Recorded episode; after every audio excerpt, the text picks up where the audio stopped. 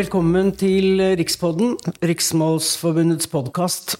Her er det fra uke til uke, gang til gang, flere programledere, og i dag er det meg, Anette Groth, som styrer skuta.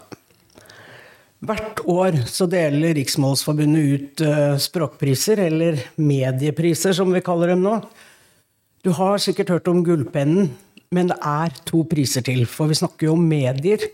Og da må vi jo ha med lytteprisen for radio og podkast, og TV-prisen.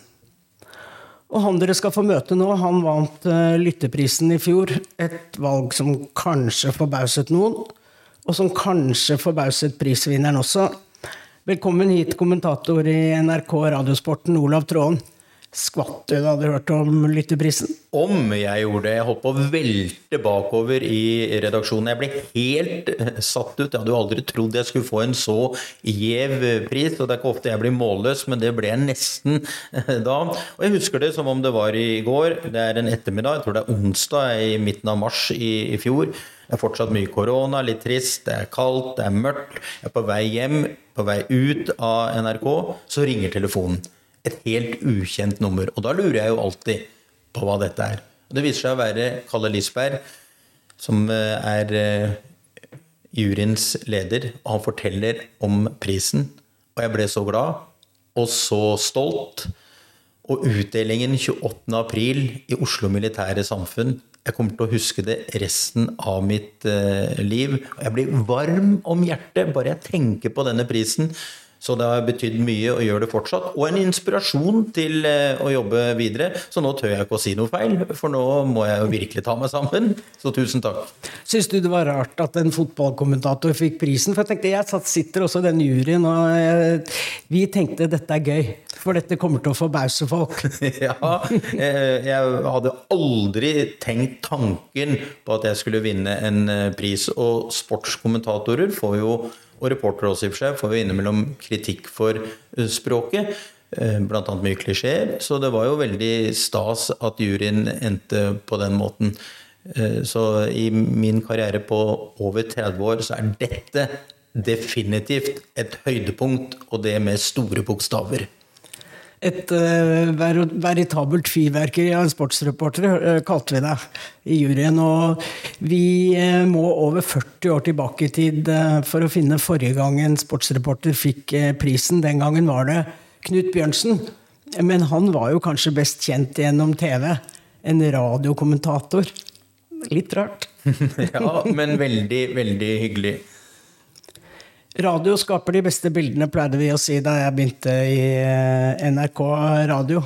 Kan du skrive under på det? Ja, så definitivt. Eh, og jeg tenker at det er litt som en forfatter. En eh, forfatter kan jo lage de beste opplevelser for sin leser, som da kan spinne videre i egen fantasi. Og det er det jo litt på samme måten med en programleder, reporter, kommentator i radio, eller i og for seg podkast, som det vi lager nå. Eh, og det er helt fantastisk eh, når det gjøres på en skikkelig måte. Du er veldig godt kjent da som fotballkommentator på direkten, men det går jo i en rasende fart. Det har vært en del på direkten selv også, men ikke i den eh, farta der. Du må henge med hele tiden, og i tillegg til ordene, språket, hva er det som er viktig? Så jeg tenker jo at et variert tempo. Et tempo som speiler det som skjer i f.eks. en fotballkamp. La oss tenke oss at det er Vålerenga mot Strømsgodset. Den kommer jo nå utover i 2023. Vålerenga med sine kongeblå drakter, ballen på egen halvdel kommer oppover nå mot den hvite midtlinjen. Så en nydelig pasning ut til venstre. De er på vei ned mot dørlinja. Én, to, tre dribles. Innlegg inn foran mål, og der er Strømsgodsets målvakt som holder ballen tett og trygt inntil brystet. Så er det jo ikke nok bare med eh, variert eh, tempo. Apropos tempo, der må man jo passe på å ikke snakke for fort. Men det er jo noen som har et naturtalent. Eh, Lasse Granqvist, kjent sportskommentator i radio og TV i Sverige, han nådde 132 ord på 30 sekunder. Jeg prøvde å telle en gang og se hvor mange, mange jeg kunne klare, og da fikk jeg til 115 på 31 sekunder. Men det gikk utover taletydeligheten, så akkurat den konkurransen skal jeg passe litt på. Så fornuftig tempo, fornuftig uh, miks der er bra. Og så er det også krydderet med litt ekstra informasjon. F.eks. under fotball-VM før jul i Qatar så dukket opp et par karer kledd ut som julenissen bak det ene målet. Det er sånt som er fint å ha med. Og sist, men ikke minst, så må man kommentere med både hode og hjerte. Du er nødt til å ha gjort hjemmeleksa, selvfølgelig. Være pålest på alt, statistikk eh, osv. Men lytteren skal føle at vedkommende nærmest står inne i 16-meteren og hører. Det skal være en farge på det som skjer. Da blir det skikkelig bra. Og det er jo stor forskjell på kommentering av radio og TV. TV har en mer tilleggende eh, kommentar, hvor du skal gi informasjon eh, som eh, gir bildet mer info. Mens på radio så må du lage disse bildene selv, og det er et stort ansvar for kommentatoren.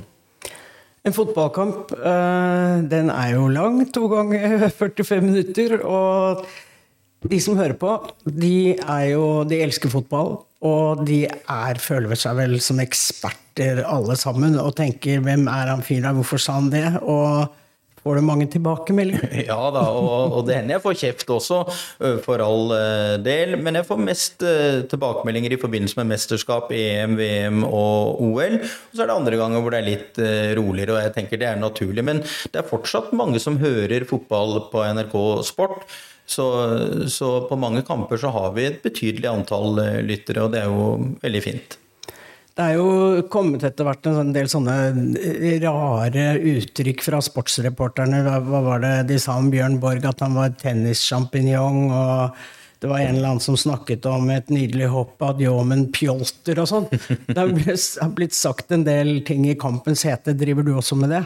Jeg har sikkert sagt mye rart opp gjennom uh, årene. Og du vet at uh, hvis man skriver en tekst, lager et radioinnslag eller TV-reportasje for den saks skyld, så kan du jo file på setningene og hele tiden jobbe med, med språket. På radio, eller også med TV-kommentering, det skjer der og da. Og det er utrolig skjerpende. Du får denne ene muligheten. Det er mange muligheter for å gjøre feil og tabbe seg ut. Og det syns jeg er veldig spennende. Også da faktisk å kunne leke med språket i en slik setting. Men et skummelt yrke, da. Ja, men det er jo ingen som, eh, jo ingen som dør. Jeg, jeg, hadde vært mye mer redd hvis jeg jobbet på akuttmottak på Ullevål sykehus. det skjønner jeg.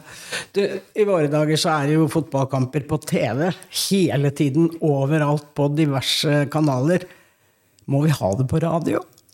Jeg er veldig glad i radioreferatet og håper jo inderlig at eh, det har gode år eh, fremover. Og så må vi huske på at radio er et sekundærmedium. Du kan gjøre andre ting samtidig. TV sluker jo mye oppmerksomheten. Jeg klarer i hvert fall ikke å gjøre så mye annet når jeg ser en uh, fotballkamp på TV. På radio så kan du sykle, være på stranda, du kan gå tur. Ikke minst bilkjøring. Og så er det jo rimelig å lage. Så radio har jo sin misjon. Og det er jo heller ikke alle som har et perfekt syn, og da er jo radio en veldig god øh, venn. Nettopp, og da får jeg lyst til å sitere Tore Nærland, en mann som øh, kanskje mange av dere eh, som hører på, kjenner som det blinde sykkelfantomet fra Bryne på Jæren. Han skrev nemlig følgende i et leserinnlegg. Synet mitt sviktet som 15-åring, så jeg har lite glede av kamper på TV. Men Olav Tråen er så flink til å skildre kampene og det som foregår på banen, at jeg føler at jeg er til stede på tribunen. Ofte føler jeg han overgår salige Bjørge Lillelien, som var en glimrende sportskommentator fra 60- til 80-årene. Litt av en attest. Ja, det må jeg si. Og den skal henges opp på veggen og stå der om ikke til evig tid, så i hvert fall i mange år fremover. Det er noe av det absolutt hyggeligste jeg har fått eh, noen gang. Ja, det, er sånn, det tenker jo ikke vi på i det daglige, hvordan f.eks. et blindt menneske oppfatter ting rundt seg. Men eh, vi har vel godt av en sånn påminnelse. Ja, så absolutt. Og derfor er det så ekstra viktig at eh, kommentatoren i radio er nøye med beskrivelsene. Passerer midtstreken, spiller utover til høyre, inn sentralt, ned langs kanten, innlegg inn foran mål. Forsvarsspilleren klarer så vidt det er å løfte ballen ut av 16-meteren. Det kommer en ny bølge av et angrep. De kommer nå midt i banen.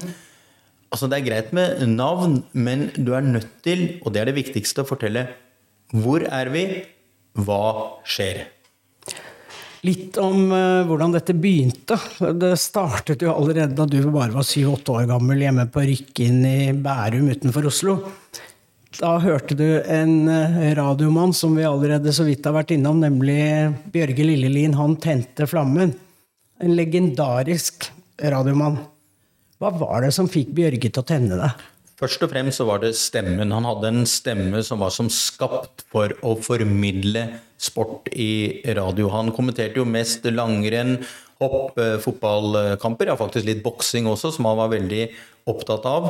Og han var jo i en ja, kan man godt si gullalder for radiosporten. De var jo overalt. Eh, hvis det var en idrettsutøver som nøys, så var de på plass. Og Bjørge Lillelien var redaksjonens store stjerne. Han kommenterte jo ikke TV, han holdt seg til radio. Mannen hadde jo også humor. Jeg husker en gang cupfinale på 80-tallet. Jeg tror det var Fredrikstad mot Viking. Et frispark fra langt, langt hold. Fredrikstads Per Egil Ahlsen klinker til, og ballen suser inn forbi keeper Erik Thorstvedt, forbi fingertuppen hans og helt inne ved stolpen. Og da sier eh, Lillelien var det 100 meter Drillo? Og det kommer kjapt fra ekspertkommentatoren 25. Eller da uh, skøytefenomenet Eric Hyden, amerikaneren, uh, dominerte i et uh, OL. Så kommer det fra Lillelien at Eric Hyden er det største som har skjedd isen siden skotsk whisky. Og tenk det, Anette, at Lilleliens referat fra 1981, da Norge slo England på Ullevål stadion en septemberdag, seierstalen der at det blir fortsatt omtalt, snakkes om så lenge etter, det forteller jo hvor bra han var. Han var eh, etter min mening et geni. Sverige hadde Lennart Hyland, Norge hadde Bjørge Lillelien. Ja, den der eh, seieren over England med lord Nelson og Margaret Thatcher og gud vet hva. Det tok, tok, jo hele historien. Ja, og eh, jeg bodde jo der på hele 90-tallet, og jeg snakket ofte med folk om eh, fotball. Og alle av dem jeg traff, husket Bjørge Lillelien og den derre setningen hans 'Your boys took a hell of a beating'. De husket det absolutt. Og det var ganske spesielt. Jeg var en gang på en pub i Skottland, og eh, der var det en jukebox. Det fins jo ikke lenger, det er noe arkaisk. En jukebox med melodier på. Men ett av kuttene på den jukeboxen, det var rett og slett den ramsa til Bjørge. På norsk. Og det var et, ifølge barkeeperen, var det et uh, favoritt, en favorittknapp å trykke på når folk var på pub der. Skottene er jo ikke alltid så glad i engelskmennene, og særlig ikke i fotball. Så dette var et, et stort uh, trofé. Um, det var uh, merkelig å se en fyr som Bjørge Lillelien. Du skulle liksom tro han var en svær stjerne. Han var en sånn beskjeden mann. Han satt rett over gangen for meg i NRK. Jeg oppfattet ham som en Ikke som noen sånn brautende type. Det gjorde vel ikke du heller? Nei, eh, nei, jeg har ikke snakket med ham på den måten, for jeg er jo ganske mye yngre. Men jeg har møtt han én gang. Og det var eh, tidlig på 80-tallet. Han døde jo dessverre altfor tidlig. Eh, han døde i 87, han ble jo rundt 60 år gammel. Men da var jeg sammen med familien på Åråsen, og Lillestrøm skulle spille. Jeg mener det var mot Viking. Så sto jeg nede ved gjerdet, nede ved banen ved sidelinjen, og så opp mot pressetribunen. Og etter kampen, på vei ned, så kommer da Bjørge Lillelien med en opptaker i den ene armen. Og Jeg husker ikke om jeg fikk autografen eller hilste på han, men det er i hvert fall et eh, stort øyeblikk. Og jeg har jo hilst og snakket litt med sønnen hans. Marius Lillelien er jo en av toppsjefene i eh, NRK. Og det som slo meg med Lillin, det er jo en bok 'Saken er klar', som kom ut eh, på 80-tallet. Hvor bevisst han var i referatet. Hvor bevisst han var å lage en skikkelig opplevelse med språket som verktøy, slik at folk skulle høre på. Han var klar på at konkurransen var knallhard allerede den gang, og den bare blitt tøffere og tøffere. Og da skulle i hvert fall han gjøre sitt for at folk ville høre på. Og man kan vel trygt uh, slå fast at han fikk det til. Absolutt. Og han ble ditt store forbilde, men Jeg tror ikke jeg hadde gått den veien uten han. Nei. Nei, nei, jeg tror ikke det. Jeg tror ikke jeg hadde kommet på tanken om å, å gjøre det her. Da hadde jeg vel uh, gjort som mange andre og blitt uh, lærer eller brannmann. Nei, kanskje ikke det, da. Men jeg, ja, ja, jeg, jeg, tror ikke jeg hadde blitt journalist, nei. Nei, vi får være, glad for at Bjørge tente flammen. Og du begynte jo allerede, nå er vi tilbake på Rykken i Bærum da du var syv-åtte år gammel. Da begynte du jo selv å kommentere kamper. Fiktive kamper hjemme i stuen. Hva sa foreldrene dine? Altså, De må jo ha lurt på om det var en skrue eller to eller tre løs, men eh, de taklet det fint og har alltid støtta meg. Men en trøst får jo være, da, hvis jeg innimellom har tenkt at dette var helt unormalt, så er det jo ikke bare meg som har gjort det. Fordi et intervju med tidligere svenske og nå avdøde radio- og TV-kommentator Ingvar Oldsberg der kom det jo frem at da han var liten og syklet rundt i nabolaget, så kommenterte han mens folk rundt lurte på hva i all verden var dette her, Petterson, Gjøransson osv. Så, videre, og så, så vi er flere som har gjort dette. Fant du på lag og sånn? da? Ja, ja, ja, det kunne jeg gjøre. Og, og kampene var aldri kjedelige, vet du, Anette. Det var aldri 0-0-1-1. Det var 4-2, 6-4, 7-3. Det var jo drømmekamper hele tiden. og han skulle jo tatt seg ut, for det hadde jeg jo ikke giddet. var det bare norske lag, eller var det Nei da, det kunne være utenlandske lag også. Så, og jeg kunne lage turneringer hvor jeg satte opp ulike spilleprogram som da ledet frem til finalen. Dere var jo ikke akkurat jevnaldrende, du og Bjørge. Du var vel 15 år gammel da han døde. Eh, trodde du egentlig, selv om han var din store helt, at du noen gang skulle klare å følge i hans fotspor? Nei, er svaret på det. Eh, og så tenker jeg at eh, de fleste på min alder da jeg vokste opp, de hadde jo forbilder som f.eks. For en fotballspiller eller en håndballspiller, ishockeyspiller. De ville bli som Kevin Keegan, Tom Lund, i dag er det Ada Stoltzmo Hegerberg, Graham Hansen, det er Lewandowski osv. som er stjernene. Mens jeg hadde altså en radiokommentator som min helt. Og jeg tenkte jo ikke at jeg skulle få lov å kommentere så fine kamper, så det var jo mer en fjern, fjern drøm. Du uh, fikk jobb i NRK etter hvert, men ikke sporten. Du begynte som meg i uh, Østlandssendingen. Men uh, ja, hvordan var det der? Det var vel ikke noe særlig fotball der? var det det? Nei, Vi dekket jo noe.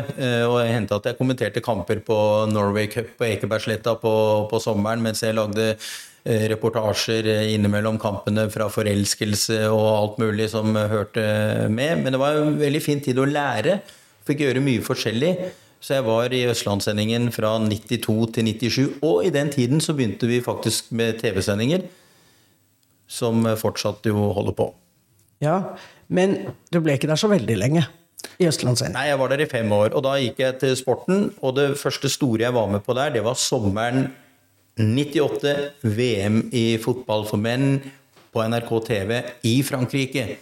Og der var det en viss berømt kamp mellom Norge og Brasil. Jeg var ikke til stede på stadion i Marseille, jeg var i Nantes og hadde kommentert en annen kamp.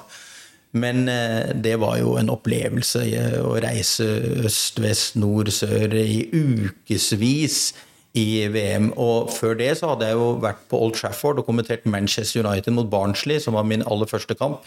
Og da holdt jeg på å gjøre i buksa. altså Da satt jeg i presserommet, og der kom de én etter én av de gode, gamle heltene. Kevin, Keegan, George Best osv. Andy Gray og hele gjengen. Og jeg var så nervøs at jeg visste ikke hvor jeg skulle gjøre av meg, og kommenterte kampen da sammen med Jan Åge Fjørtoft, som spilte i England på den tiden. Og jeg kommer jo aldri til å glemme den Norge-Brasil-kampen i 1998. Jeg var altså i Belfast i Nord-Irland fordi at der holdt det på å bli fred, eller var vel akkurat blitt fred, og dette skulle dekkes på alle mulige vis. Jeg skulle intervjue en fyr som heter Jerry Kelly. Gammel IRA-mann som i sin tid forsøkte å sprenge Old Bailey-rettssalen i London i lufta. Han klarte ikke helt det. Men som så mange IRA-menn så ble også han politiker i det partiet som heter Sinn Fein. Og jeg skulle intervjue ham. Det skulle hele verdenspressen også. Så det sto lange køer for å intervjue Jerry Kelly, og da sa jeg bare unnskyld, men jeg er nødt til å gå først. Fordi at landet mitt skal spille fotball mot Brasil, og det skal de gjøre nå. Så jeg må, kan ikke vente her.